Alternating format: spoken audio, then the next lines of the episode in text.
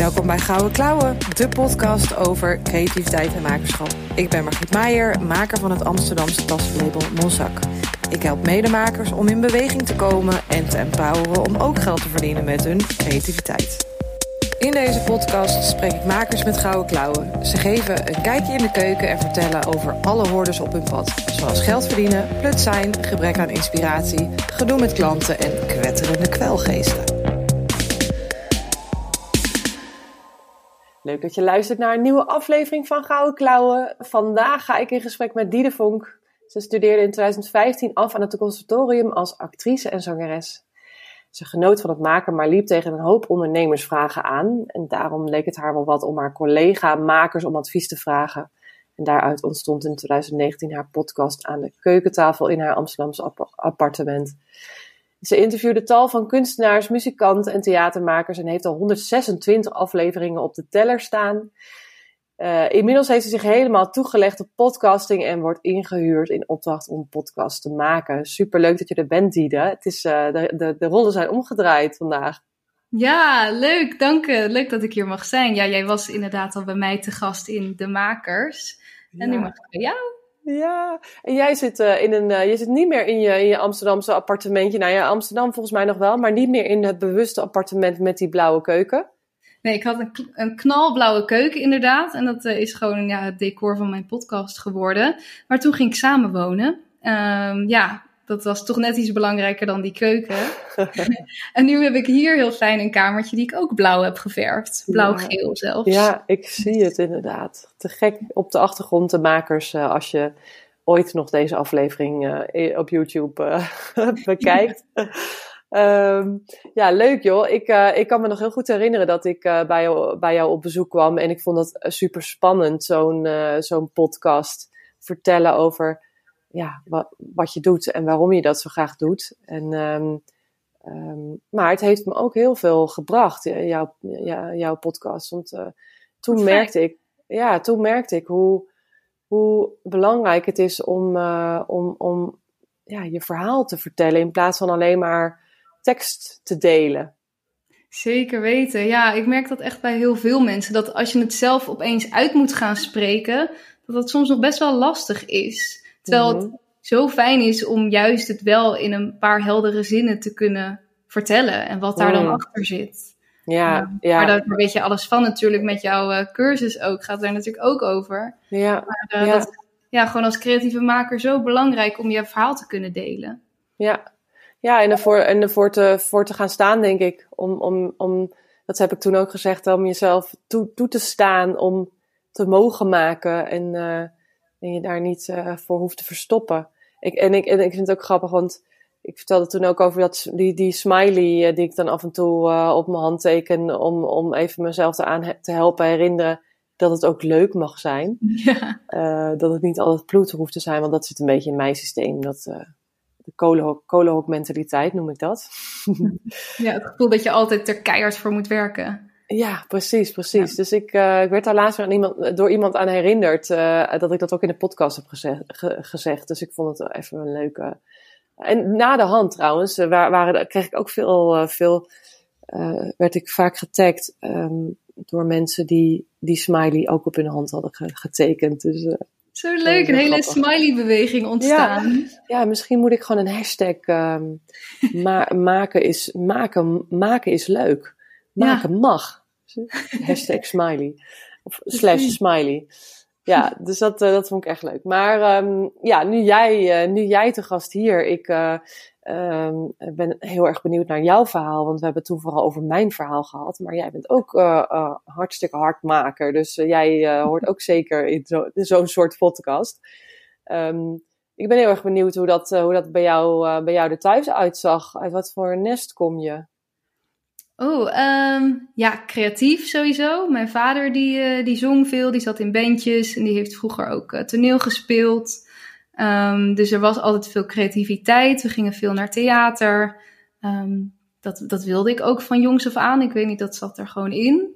En dat werd ook altijd heel erg gestimuleerd. Dus ik kom echt uit een heel veilig en fijn nest waarbij ik uh, vier keer in de week naar toneelles kon en twee keer naar dansles en drie keer naar zangles. Zeg maar, het, dat was al vanaf vrij jong mijn, uh, mijn invulling van de week. En dat kon dus ook. En mijn ouders hadden ook, je hebt natuurlijk ook vaak makers die te maken hebben met ouders waarvan die denken van ja, daar kan je niet je geld mee verdienen. mijn ouders hebben juist heel erg gestimuleerd van ga doen wat je leuk vindt. En ik heb nog een jaartje, ben ik nog naar de universiteit gegaan om, om dat uit te zoeken van hey, vind ik dat niet toch leuker? Um, maar uiteindelijk was het toch het zelf maken. Ja. En ik geswitcht naar het conservatorium. Maar ja, dat was dus juist omdat dat heel vrij allemaal kon, uh, heb ik me daar nooit belemmerd in gevoeld. En, en deed je dan dat die stap naar de universiteit, deed je dat dan omdat dat toch een beetje maatschappelijk uh, verantwoord is? Of, of was je echt nieuwsgierig?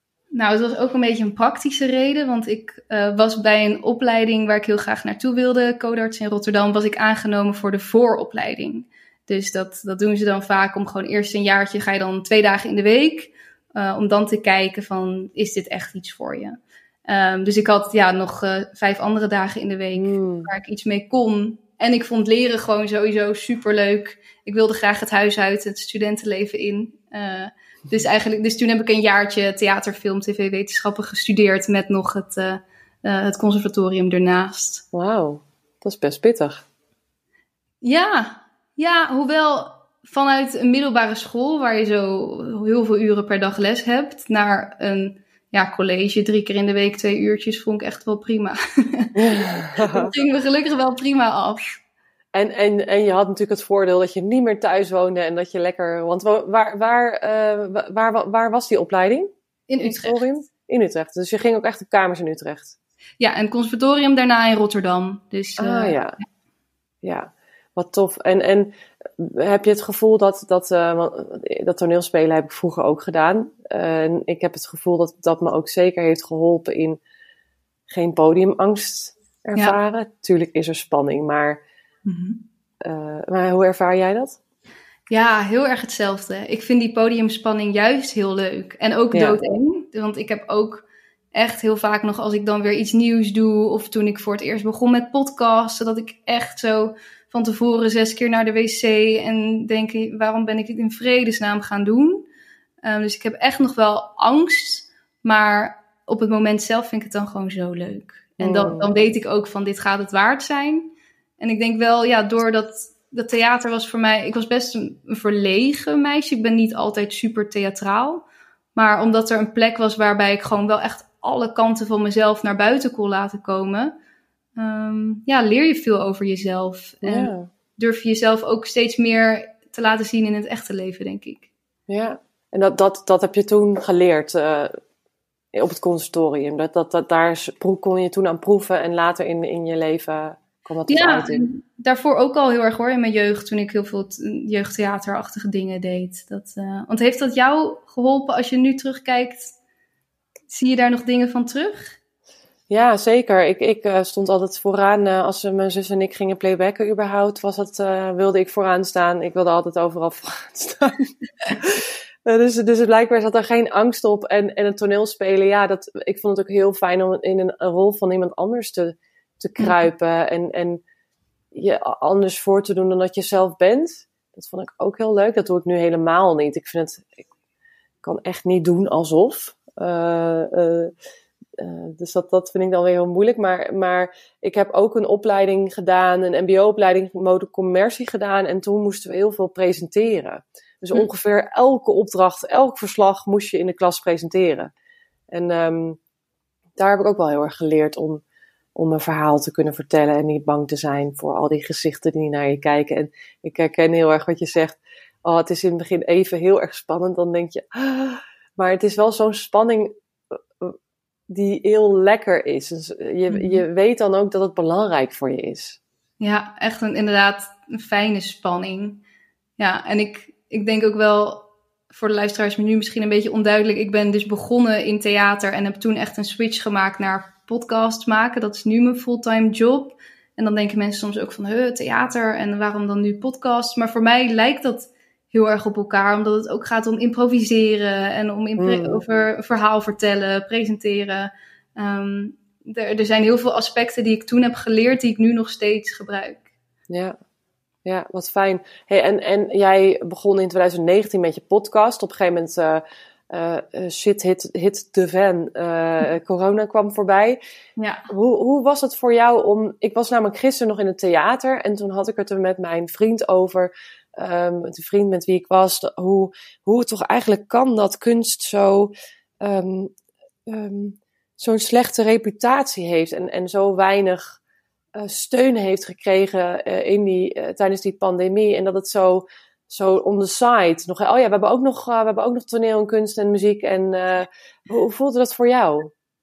Ja, ja, lastig. Dat, dat is inderdaad gewoon. Ik denk elke sector was toen natuurlijk aan het vechten voor meer geld en meer.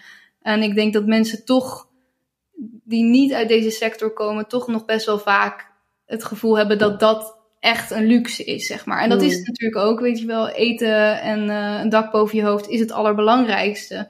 Dus we hoeven ook niet te doen alsof het heilig is. Maar ja, ik geloof wel dat vaak naar theater gaan je heel veel met je kan doen als mens in je ontwikkeling. En, uh, en niet alleen theater, maar natuurlijk ook de bibliotheek of de film. Ja. Uh, ja. Maar ja, ja, dat is gewoon een lastige kwestie. Ik zou het anders aangepakt hebben als minister van Cultuur, maar dat ben ik niet. En dat is ook niet.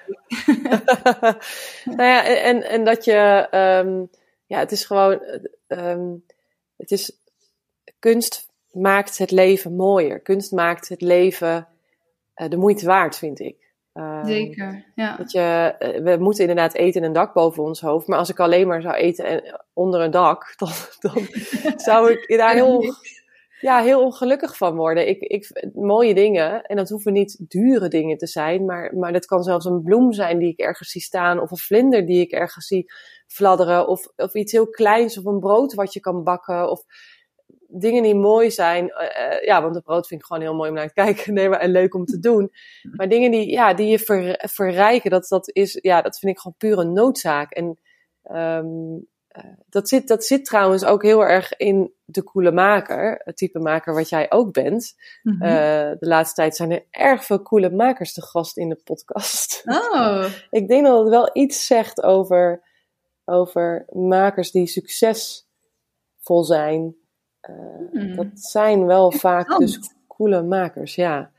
Um, maar dat zijn dus het type, dus als je, als je deze podcast luistert en denkt, waar heb je het over Margriet? Op mijn site kun je um, de makersquiz doen. Dat is een quiz die jou uh, ver, wat meer vertelt over jezelf en je uiteindelijk kan helpen om authentieker je product te verkopen. Um, omdat jij, ja, jij ja, toch een deel van je product bent en als maker uh, je product in, aan de man moet brengen, hoe spannend dat ook is. En als jij weet wie je bent, dan kan je ook veel beter weten wat je doet en hoe je, hoe je de ander kan helpen. Um, maar de coole maker, even terug naar de coole maker, die houdt ook heel erg van mooie dingen. Die houdt ook heel erg van dingen die het leven mooier maken. Dus um, ja, ik weet niet of jij daar, je daarin herkent. Absoluut, ja, tuurlijk. Hoewel, ik moet zeggen, ik ben, uh, ik ben dan weer niet goed in uh, design of tekenen of zo. Of, uh, uh, dat, dat is minder, maar wel mooie dingen van, ja, dus muziek of ja. theater. Maar ik denk, wat voor type maker je ook bent, dat dat echt voor iedereen iets is wat je verrijkt. En dat je zo ja. even je eigen medium moet vinden misschien. Dus dat dat voor ja. de een inderdaad heel erg... Uh, de, de, de, vlinder is in de, in de buurt of naar een museum gaan of uh, een brood bakken of uh, een mooi lied horen. Mm -hmm. Maar de, ja, wat het bij je kan oproepen qua vervoering, dat, dat kent ieder mens. Mm -hmm. Mm -hmm. Ja. ja, alleen ik denk dat, dat ja, sommige mensen er ook mee opgroeien en anderen niet. En, uh, en dan, ja. dan moet je het later in je leven op gaan zoeken en ontdekken. Wauw, wat, wat, wat is dat? Het is toch heerlijk om naar de film te gaan en, en uh, te, te, te, ja, te, weg te fantaseren in een wereld uh, die niet de jouwe is. Ja. En, net als in een boek, net als met een boek lezen of inderdaad een toneelstuk, dat je echt even in een hele andere wereld zit. Het is prachtig, ja. Absoluut, ja, zeker. Maar als we dan toch even op, die, uh, op dat spoortje zitten, wat, wat her, waar herken je jezelf uh, in en waar, en waar misschien niet bij de koelemaker? Nou, ik ben altijd sowieso dol op quizjes doen. dat is altijd leuk. Um, ik, uh, waar ik me heel erg in herkende was wel het initiatief nemen. Um, er, dat, dat staat dan bij die uitleg over koelemaker. discipline, um, misschien een beetje pionieren, als in kansen zien en daarvoor gaan. Mhm. Ehm, maar ja, ik, het is heel typisch, maar ik kon me dus vooral in de positieve dingen herkennen. maar in het, uh, een andere eigenschap van een coole maker is misschien dat je afstandelijk overkomt. En dat je misschien je moeilijk jezelf laat zien in relaties. Daar kon ik me iets minder in vinden. Juist omdat ik vaak uh, te horen krijg dat ik heel benaderbaar ben. Dat ik dat in mijn interviews ook heel belangrijk vind. Dat het juist dat mensen um, nou ja, zich veilig voelen en het gevoel dat ze alles kunnen delen. Um, maar misschien zit het hem heel ergens anders in en denk ik over een jaar van, oh, misschien zit er toch wel wat in. Maar ik geloof ook natuurlijk dat je, ja, je kiest, je kiest bij een quizje, kies je A of B. En er zit natuurlijk ook nog een heel grijs gebied tussen. Zeker, zeker. Maar weet je, ik herken heel erg wat je zegt, want um, ik ben als uh, maker, als ondernemer ook heel benaderbaar. En ik benader ook veel, omdat ik heel graag in contact ben met anderen en um, verbinding belangrijk vind. Maar als het dan bij mij over privé gaat en dan meer in de, in de liefdeshoek, dan, uh, uh, dan speelt het zich meer op dat vlak af. Dus het kan heel goed zijn dat je inderdaad op zakelijk vlak denkt, huh, cool. Nee hoor, ik kom helemaal niet cool over. Maar dat het net in, in toevallig bij de coole maker echt heel erg op uh, privé, in de privéhoek zit. Ja. Um, maar, en, en als je het dan over, over um, discipline hebt en, en, en, en doorzettingsvermogen misschien, hoe uit dat zich in jouw bedrijf? Um, ja, ik denk dat ik wel heel erg. Um, ik kan heel goed zelf in mijn eentje werken, zeg maar. Dus ik heb niet van buitenaf iemand per se nodig die zegt: dan is de deadline, dan moet het af. Ik heb mijn, eigen podcast, toen ik begon, heb ik dat gewoon een jaar lang gedaan zonder er ook maar iets aan te verdienen. Misschien zelfs anderhalf jaar. Um, gewoon omdat ik dat zelf wilde. Dus mm -hmm. ja, dat zelf gaan doen, dat gaan editen, zonder dat er misschien zelfs nog een duidelijke doel is. Of dat was er wel voor mij, want het was belangrijk om zelf dingen te leren en in ja. contact te komen. Um, ja, ik merk toch dat misschien bij andere mensen die drempel hoger is om dat zelf, zelf te gaan doen. Ja, om te gaan doen überhaupt. Ja, te gaan doen en het vol te houden. Want ik denk ja. ook, ja, inderdaad, zoals je zei, 126 afleveringen gemaakt. Er zit toch enige discipline achter. Ja, ja, met een goed ritme ook. Elke week. Ja, om de week nu hoor. Oh, goed zo, ja, ja. Ik ben begonnen met elke week en na anderhalf jaar ben ik het ongeveer om de week gaan doen. Ja. ja. Ja. Jij ook, toch? Jij begon ook, jij bent nu natuurlijk uh, wat iets, iets, korter bezig, maar eerst heel voortvarend van start met elke week. Ja, ik dacht echt, let's go. Uh, dat is ook echt mijn mentaliteit. Let's go. We, we, zien het wel. We gaan gewoon en we zien het wel. Een soort van springen met je ogen dicht en dan land ik ergens. En, um, maar ik, ik, ik, ik merkte ook dat ik, dat, dat ik, ik ga, ik wil liever kwaliteit dan kwantiteit. Ja. Uh, uh, en, en ik wil mensen ook de ruimte geven om te kunnen luisteren. Ik zelf persoonlijk raak ook altijd een beetje in de stress als ik nog zie, als ik een podcast volg, als ik zie hoeveel afleveringen ik achterloop. Ja, absoluut. Uh, maar dat is iets heel persoonlijks. Ik weet niet of anderen daar ook last van hebben, maar heb jij daar last van trouwens? Ik heb daar ook heel erg last van. Oh, ja. ja. Ja, hoewel eerst kwamen dan, ik was dat eerst op die Apple podcast app en dan kwamen ze ook zo allemaal in je mapje of zo. Dan kwam, zag je zo al die afleveringen achter elkaar. Nu zit ik in de Podimo app en zie ik gewoon Oh. een, een cijfertje erbij staan. En dat strest me al minder uit. Dus dat is fijn. Hey, maar ik snap en, heel erg wat je bedoelt. ja, en, en uh, jij, jij vra vraag jij nu, maak je een aparte podcast voor Podimo waar je geld voor vraagt? Nee, dat niet hoor. Nee, Ah, nee. ja. Ik, uh, Podimo zet gewoon ook alle podcasts in die app. Dus jij zit er waarschijnlijk Ah. ook in. Oh, Maar uh, ik gebruik dat nu gewoon als mijn main podcastbron. Ja, ja. Ja, dus, dus, dus, um, dus je hebt hem iets gedowngrade, uh, of downgrade, ja, je hebt hem iets, de frequentie aangepast. Ja. Um, maar je gaat lekker voortvarend door ermee. Ja, ook omdat ik gewoon merkte, inderdaad wat je zegt, kwaliteit boven kwantiteit. En er kwam, ik ging steeds meer andere podcastprojecten erbij doen, waar ik ook mijn tijd in wilde investeren. En Ja. uh, ja, je, het kost gewoon veel tijd. En dat is wat mensen misschien ook onderschatten bij een podcast. Mhm. Van, oh, je zet de microfoon aan en je gaat kletsen en dat is het. Ja. Maar um, ja, daar komt iets meer bij kijken. Ja, inderdaad, ja. Hey, en, en jij, de, de motivatie voor jou om met de podcast te beginnen was dus, maken is fantastisch, maar oké, okay, uh, hoe, hoe verkoop ik eigenlijk wat ik maak? Ja. Het ondernemerszakelijke stukje erbij. En, en, en ook dat het misschien wel, dat vul ik in, of misschien heb ik dat ergens gelezen, uh, dat het ook wel eenzaam kan zijn. En dat het, hoe fijn het is als je, als je merkt dat je niet de enige bent die daarmee mee, uh, mee struggelt. Hoe ervaarde je dat toen de tijd? Weet je dat nog? Ja, ik kwam dus van het conservatorium en daar was ik heel erg opgeleid met het idee van je gaat auditie doen en dan uh, kom je in een voorstelling te spelen en daar, ja, daar, daar stap je dan gewoon in. Maar dat is eigenlijk voor ja, 95% van de mensen die afstudeert, is dat gewoon niet zo. Je hebt altijd een paar maanden even niks. Mm-hmm. Of, uh, en ik merk dat ik het heel leuk vond om zelf liedjes te schrijven, om zelf een theatervoorstelling te maken. Maar dat ik dus niet zo goed wist van oké, okay, hoe zorg ik dat mensen me kennen en dat ze er ook komen kijken en nou ja, al dat soort dingen. Mm-hmm. En uh, vanuit de podcast ben ik toen andere makers gaan bevragen die al een tijd bezig zijn, waar ik tegenop keek, waarvan ik dacht, nou, die doen iets goed. Uh, om inderdaad ook niet alleen mezelf, maar ook andere mensen, met, eigenlijk met alle collega's om me heen waarmee ik sprak, liep ik liep we allemaal zo tegen diezelfde dingen aan. Mm-hmm. Uh, en zat iedereen het zo op zijn eigen eilandje uit te vinden en, uh, en te bedenken hoe dan. Um, en toen dacht ik, ja, waarom kan ik niet gewoon dat wat meer openbaar maken, wat meer opengooien? Ik kreeg soms in het begin ook het gevoel dat mensen dan voor zichzelf gingen houden van, oh ja, dan moet je je inschrijven voor dat festival. En als ik het dan maar niet aan iedereen vertel, dan heb ik misschien meer kans of zo. Oh ja, ja. Dus, uh, dus ik wilde dat gewoon openbreken, want ik geloof heel erg in dat we elkaar kunnen helpen en dat kwaliteit toch wel boven komt drijven. Ja, ja. Dus ja, dus zo eigenlijk. Ja, en, en hoe, hoe, hoe um, want ik ben natuurlijk razend nieuwsgierig naar is er een soort gemene deler? Is er een rode lijn die je hebt ontdekt in al die afleveringen? Um, ja, zeker. Ik denk, er zijn een aantal tips of adviezen die echt heel vaak terugkomen. En dat is denk ik toch wel met stip op één dat je het gewoon moet gaan doen. ja.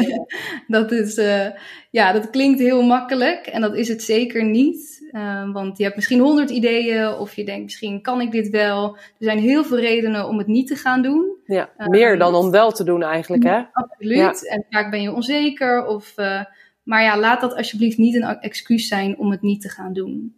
Want dat, dat zie ik zo vaak mensen die dan heel lang twijfelen over wat de titel van hun product moet zijn, of de, van hun voorstelling, of uh, dat ze ergens dan niet uitkomen en dan blijft het stilstaan, terwijl je weet dat ze het super graag willen doen.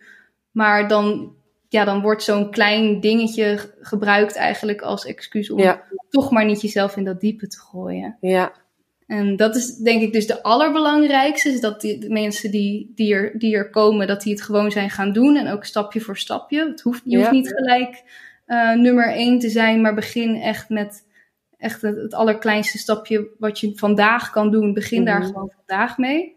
Um, en toch ook wel, maar dat hangt er misschien een beetje mee samen, is het jezelf laten zien.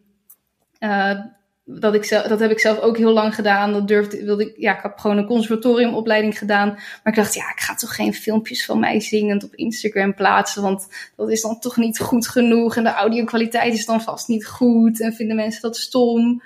Um, ja, al die redenen om het niet te doen. Uh, terwijl ik geloof er heel erg in als je als maker juist stapjes in je proces laat zien. Um, juist misschien dat je nog iets aan het repeteren bent, of juist dat je dat eerste stukje van jouw tas aan het maken bent, dat dat super interessant is. En heel veel makers doen, delen alleen iets over hun werk als ze op een podium staan en oh vanavond allemaal komen, of uh, ik heb nu een nieuwe tas gemaakt, je kunt hem hier kopen. Ja. Um, maar dan heb je helemaal niet de mensen meegenomen in dat proces daarvoor, terwijl dat zo interessant is. Want jouw werk als creatieve maker is mega boeiend. Ja, ja, en ik denk dat je, je, je, vergeet, je vergeet, dat ik zeg altijd educate your client, je vergeet dat ongeveer 80% van de wereld niet maakt.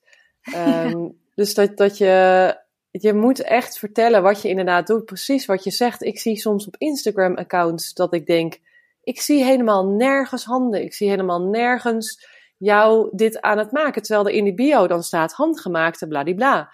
Mhm. Maar ik zie alleen maar de allermooiste plaatjes van dat product, maar niet degene die het heeft gemaakt. Ja, ik haak dan al af. Ik denk dan wat zonde, want je moet wel, nou niet per se bewijzen, maar ook weer wel, ehm, dat, het, dat het handgemaakt is. En ik wil ook zien wie dat dan handgemaakt heeft. Anders kan ik het net zo goed online kopen zonder dat ik weet van wie het is. Ja, en het is ook juist zo tof als je Misschien denk je op het begin van ja, is mijn werk al wel goed genoeg? Maar het is zo leuk om nu ook makers die bijvoorbeeld heel succesvol zijn, om te zien van hoe zag dat er dan twee jaar geleden uit? Ja. ja, dat is dan minder goed. Maar dat is dan juist ook heel leuk, omdat je dan een ontwikkeling van iemand meemaakt. Ja, ja. Ja, ik, uh, ik zat toevallig dit weekend door mijn Instagram-account te scrollen.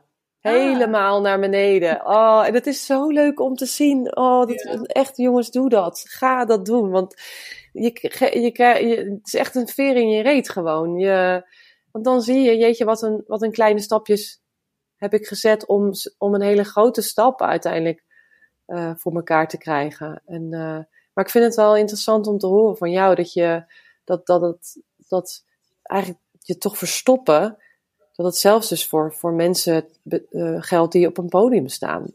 Ja, ja, ja, stom hè? Ja, ja misschien juist. Of ja, ja, en het is natuurlijk ook omdat social media heel anders is dan een live op een podium staan. Net zoals dat het enger is om voor vijf mensen een lied te zingen dan voor een zaal voor honderd mensen. Het is, het is een andere manier van ogen die op je gericht zijn. Het voelt ergens misschien nog wel naakter of kwetsbaarder. Ja.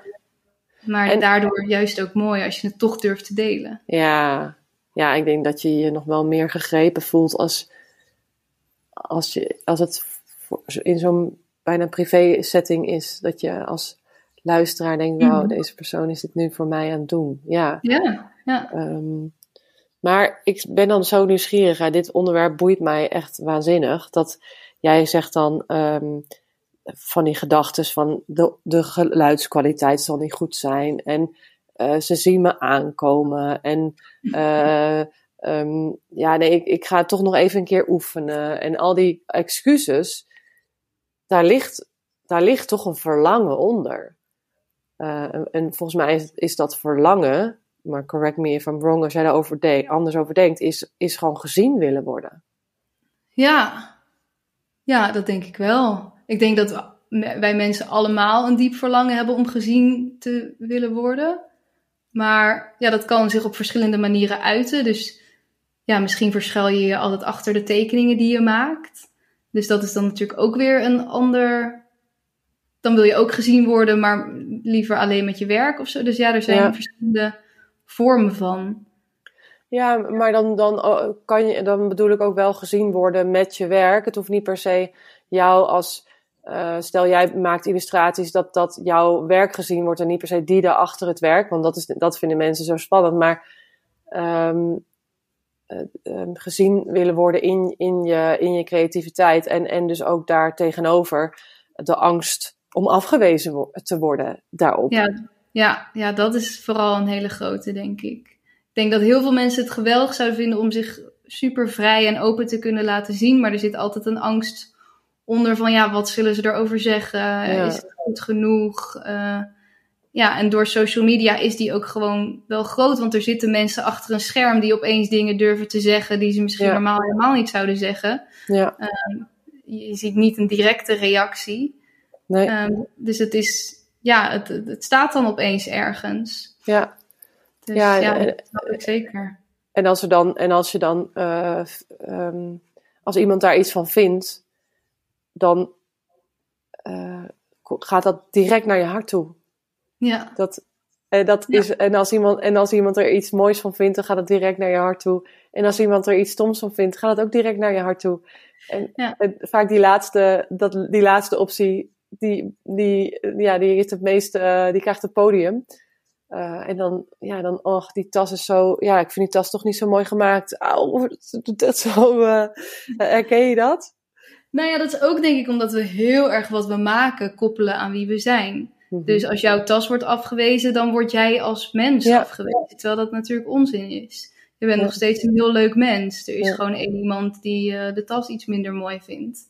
Maar ja, omdat het zeker op het begin misschien heel kwetsbaar is om het überhaupt te delen. En het echt voelt als een stukje van jezelf wat je mhm. opeens blootlegt.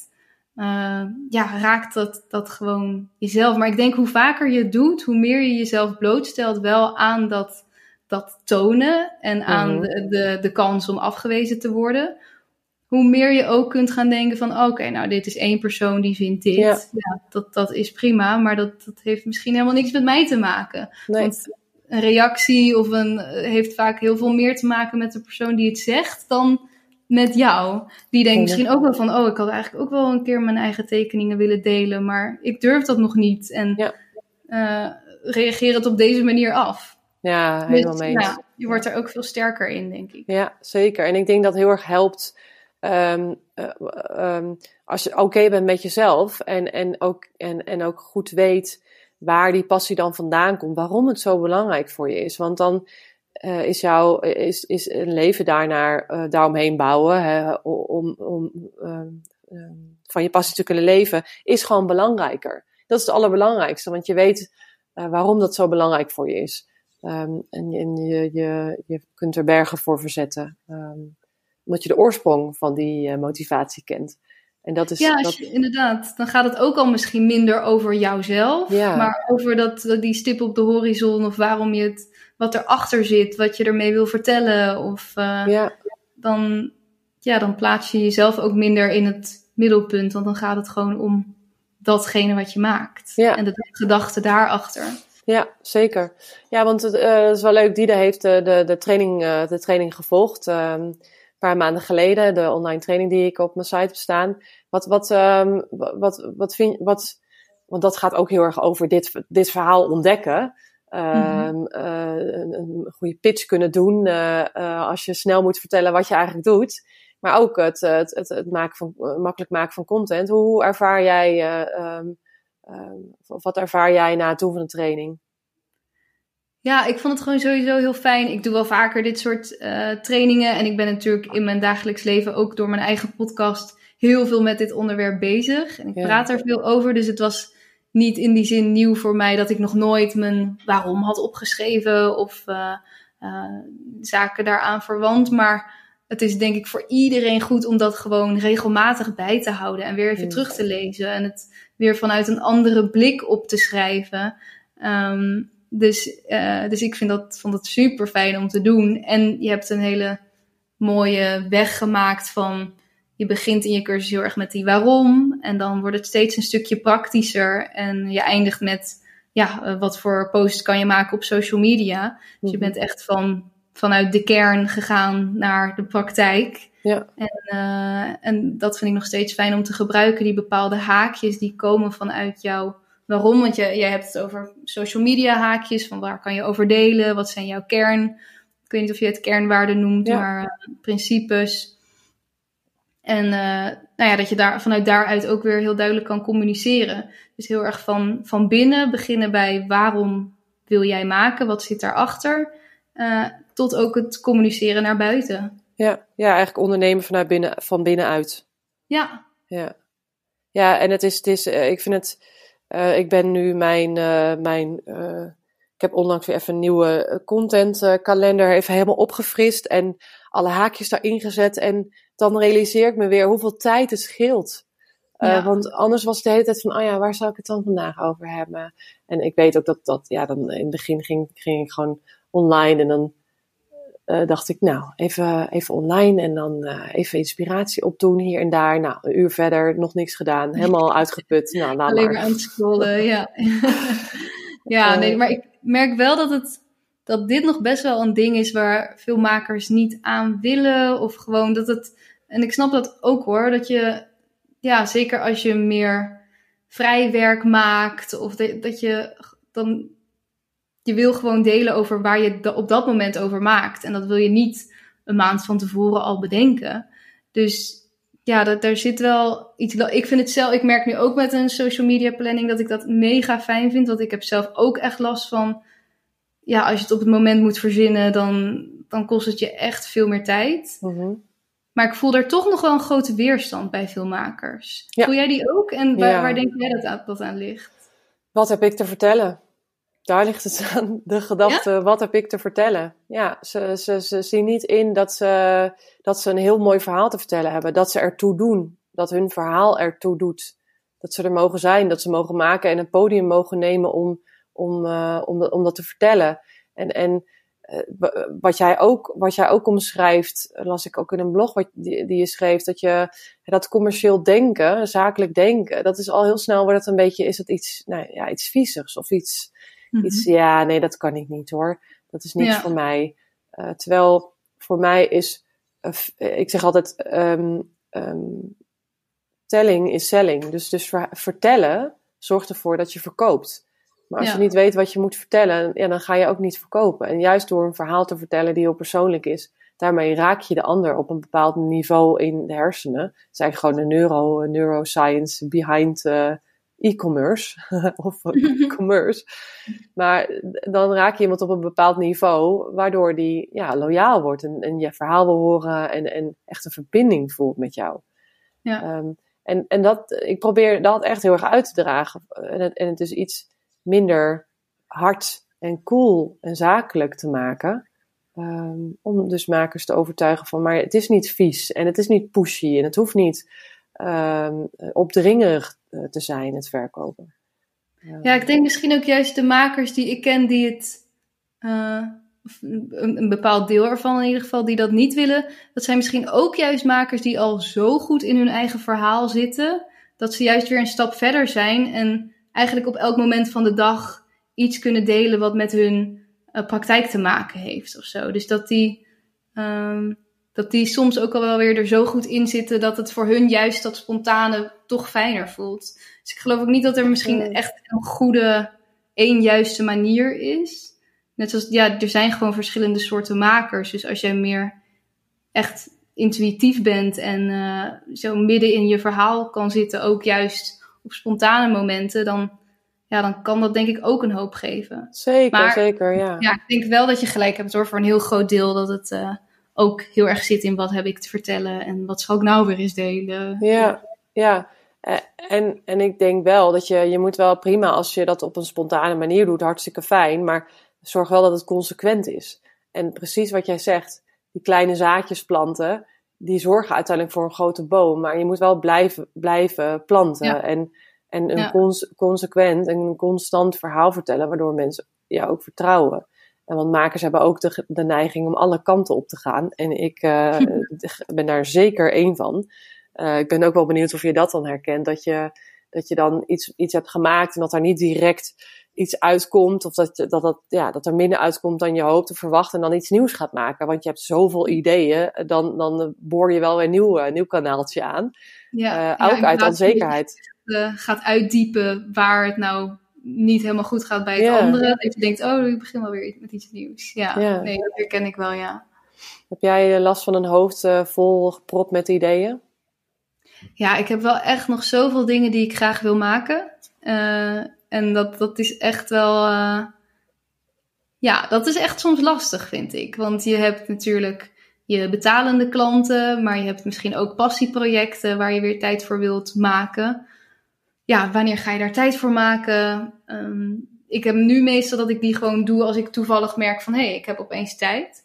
Maar er zijn nog wel een aantal grote projecten op de plank waarvan ik denk, oh, als ik even tijd heb, zou ik misschien daar eens in willen duiken. Mhm. Dus ja, ik heb wel veel ideeën, maar ik heb ook wel duidelijk, denk ik, op een gegeven moment geleerd. Ja, als je, als je alles kiest, kies je dus ook eigenlijk niks. Ja, ja. Dus kies ook echt heel erg welke ideeën je niet gaat uitwerken mhm. op dit moment. Ja. Um, ja, dus, dus nee, het, het heeft wel focus nodig. Ja, ja, want jij uh, hebt ook uh, het boekje Focus aan, Focus uitgelezen, toch? Daar hebben we het nog een keer over gehad. Ja. Daar heb ik een uh, podcast over gemaakt. Ja. ik maak soms ook solo podcasts waar ik dan één bepaald onderwerp uitdiep. En deze ging dan over focus. Dan heb ik veel daaruit gehaald. Ja. Ook, ja. ja. Ja. dat is denk ik ook lastig. Dus, dus als je. het is gewoon een soort van. Um, um, een soort dangerous cocktail. Als je, als je en het gevoel hebt dat je, dat je denkt dat, ja, dat, dat jouw verhaal er niet echt toe doet. Um, en, en, en, en uh, als je zoveel ideeën hebt. Want dan ja, ben je denk ik alleen maar bezig met allemaal ideeën uitwerken. En vervolgens durf je het niet echt te verspreiden. En dat is zo zonde, want ja, zoveel talent. Ja, dan breng je het gewoon allemaal net niet helemaal naar buiten. En ja, dat is inderdaad. Maar ook merk ik dat ook mensen soms denken dat ze een soort van één perfect idee moeten hebben of zo. Mhm. Dat één groot, eh, één idee wat dan echt helemaal moet resoneren en je grote levenswerk is.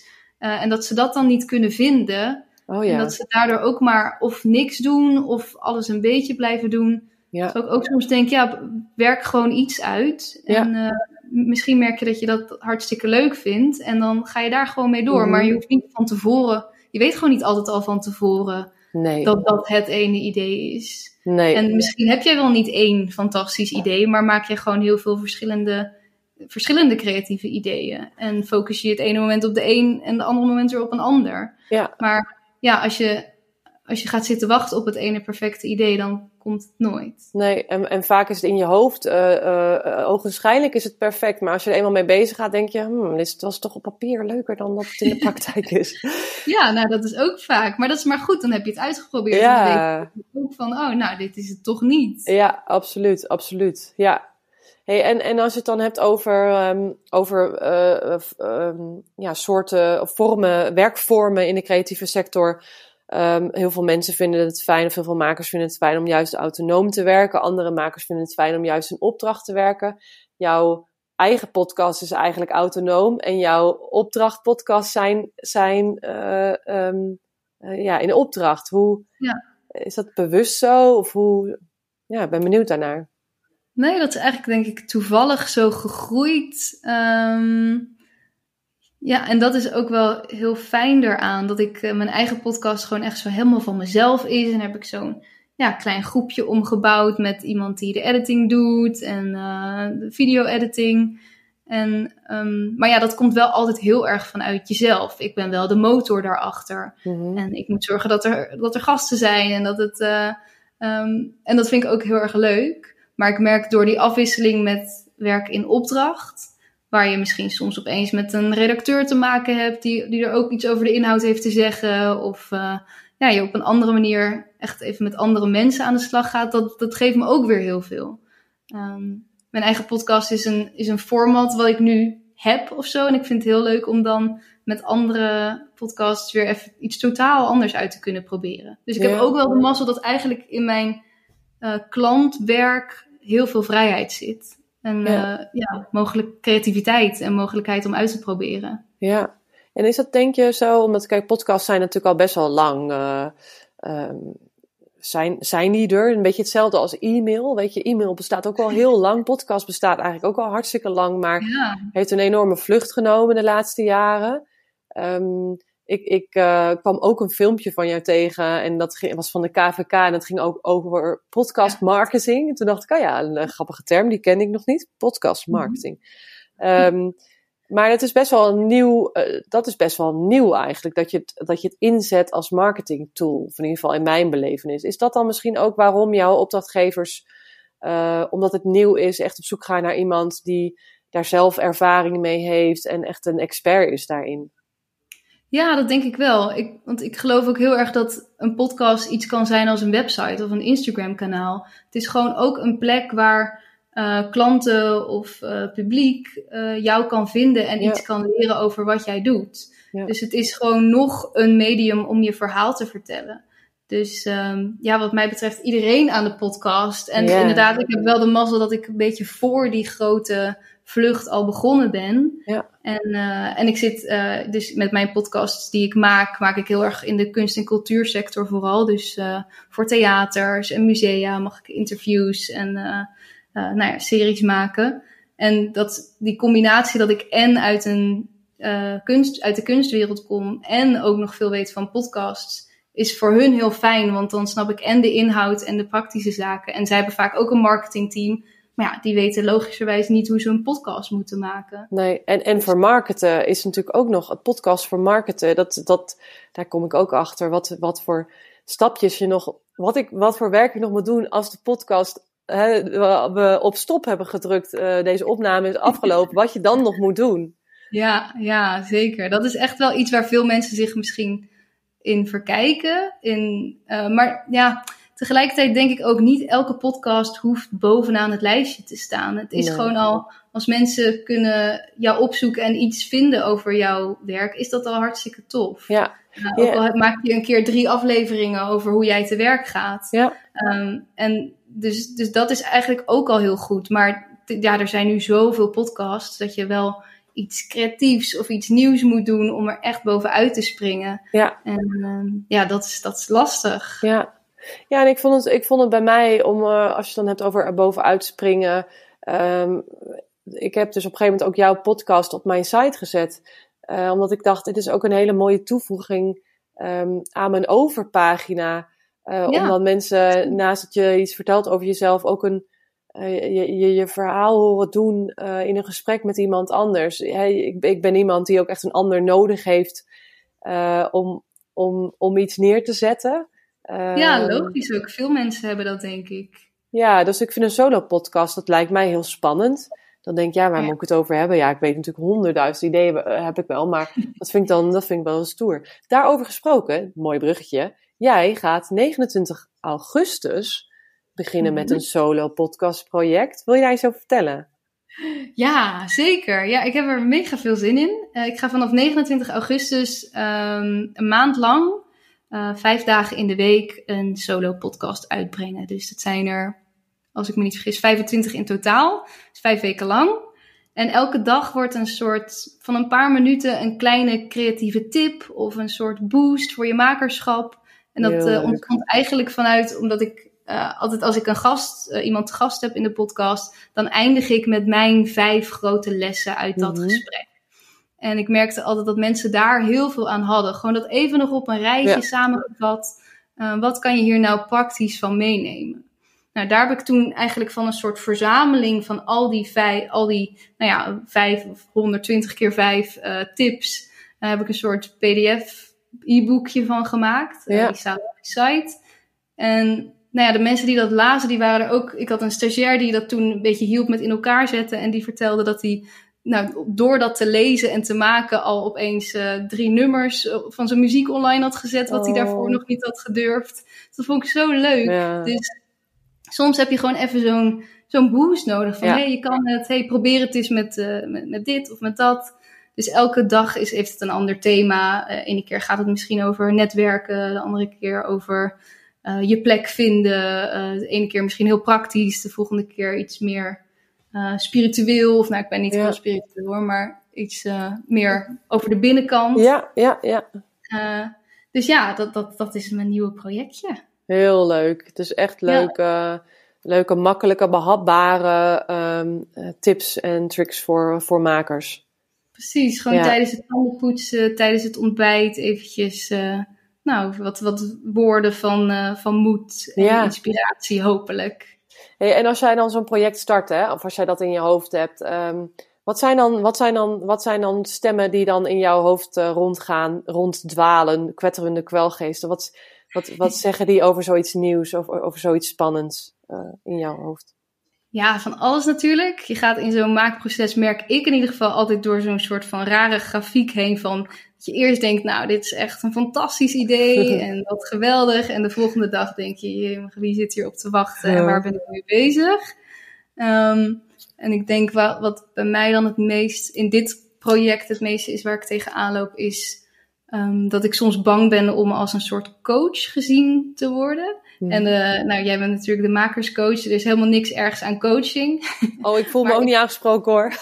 maar er zijn natuurlijk heel veel coaches. En ik, ik deel gewoon wat mijn eigen bevindingen. Ik deel bevindingen die ik heb gehoord van gasten. Ehm, maar ik wil gewoon dan niet te prekerig overkomen van... Je moet het allemaal zo doen. Ja, Ehm, dus daar zit dan een beetje een angst. Ehm, ja, dus dat is denk ik mijn grootste angst. Vaak. En verder, ja, je denkt natuurlijk altijd: gaat iemand dit luisteren? Zit iemand erop te wachten? ja, Ehm, vertel ik het wel leuk? Of is, is de toon leuk? Hoor ik het op een gegeven moment nog zelf wel? ja, Of dit nou goed is of niet? ja. Ehm, ja, dus dat, dat zit er zeker in. En ik denk ook wel, nu ik eraan begonnen ben, denk ik, had ik het niet moeten uitsmeren over een jaar. Nu is het wel na een maand ook alweer voorbij. Ja, En eh, eh, ik, heb, ik stop er nu voor mijn gevoel echt zoveel eh, tijd en energie en, en liefde in al die korte uh, podcasts. Dat ik denk, oh, er, ja, het is eigenlijk zonde als mensen dan na die maand dat niet echt meer gaan luisteren. Maar nou ja, dat is misschien meer dat ik daar zelf nog een handige uh, vorm in moet vinden. Ja, ja of, je, of je, je bouwt er gewoon een, een, eh, een, een podcast training van. Ik vind dat ook heel grappig. Je hebt dus nu ook mensen die een, een online training aanbieden in de vorm van een podcast. Uh, ja. Dus ik zit gelijk, mijn, mijn marketinghoofd gaat gelijk ratelen. Uh, die denkt, ik zou daarna ze gewoon weer afhalen en dan online zetten als mini-training. Nou ja, maar het zijn niet tips over podcast. Nee, nee, nee, nee, nee, maar over makerschap dan. Of over, over, over uh, oh, pep talk training. In de zin van in die vorm, zeg ja, maar. Ja. ja, dus dat het geluidsfragmenten zijn die je dan, uh, wat dan de episodes van de, nou niet de episodes, maar wat de modules zijn of de lessen zijn van de training. Nou ja, uh, ja zoiets. Ja, ja. ja maar, het, maar het is, ik denk dat het super goed is, precies ook wat jij net zei, van het is gewoon belangrijk om fris te blijven in je hoofd als, als maker en ook als, als ondernemer. Je moet, je moet jezelf wel blijven ontwikkelen en dan is het goed om af en toe even stil te staan bij, oh ja, wat zijn allemaal dingen die ik nog niet doe of, of soms, soms me wel voorneem, um, maar uitstel. Uh, Dan is dit een hele mooie reminder en opfrissing van, oh ja, ja dit, dit uh, hier ga ik vandaag mee aan de slag. Je kunt het ook gewoon zien als in ja. Dat is een tip voor de dag en hier ga ik vandaag mee aan de slag. Ja.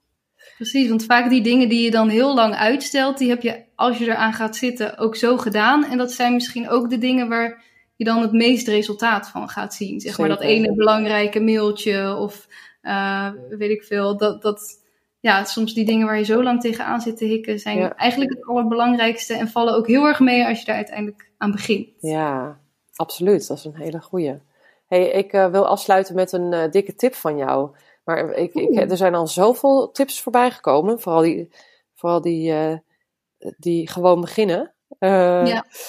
Maar misschien, heb, misschien schiet, er, schiet er je nog eentje te binnen. Ja, even denken of ik nog iets fris of iets praktisch kan verzinnen.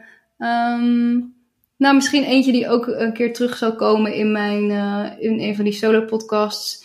Is denk ik professionaliteit. Mhm. Is dat veel makers ook wel een beetje denken van, oh, ik ben, ik ben uh, gewoon creatief en een beetje chaotisch, haha. Uh, en dat mag natuurlijk. Maar het is met opdrachtgevers gewoon wel belangrijk dat je op tijd terugmailt. Dat je helder bent in je communicatie. Dat je aangeeft wat je nodig hebt. Bijvoorbeeld bij bandjes of zo kan dat nog wel eens een ding zijn dat je uh, te laat je, je setlist doorgeeft of je, je, je benodigdheden. En dan ja, zit iemand aan de andere kant, bezorg je daar gewoon stress mee. En een opdrachtgever wil geen stress. Die wil ook, ja, net als met een product, die wil niet twijfelen of jij nou wel uh, de goede stof van die tas had. Ja. Uh, die wil gewoon heel, dat jij er heel helder over communiceert. En nou ja, wat jij ook vaak zegt, educate your client. Um, vaak weten mensen ook niet precies wat ze willen. Hmm. Dus als jij heel duidelijk kan zeggen, nou, ik werk altijd zo en zo. Uh, we kunnen dan dit doen, ik kan dit voor je aanbieden of dat dan geef je jezelf gelijk een uh, expertstatus, uh, waardoor die ander zich helemaal kan ontspannen en zich graag in jouw handen overgeeft. Uh, dus ik denk dat dat wel een, misschien wel een leuke tip is. Ja, zeker. Zeker vertrouwen winnen op die manier. Ja. ja. Ja, tof. Heel erg bedankt, Diede, dat je er was.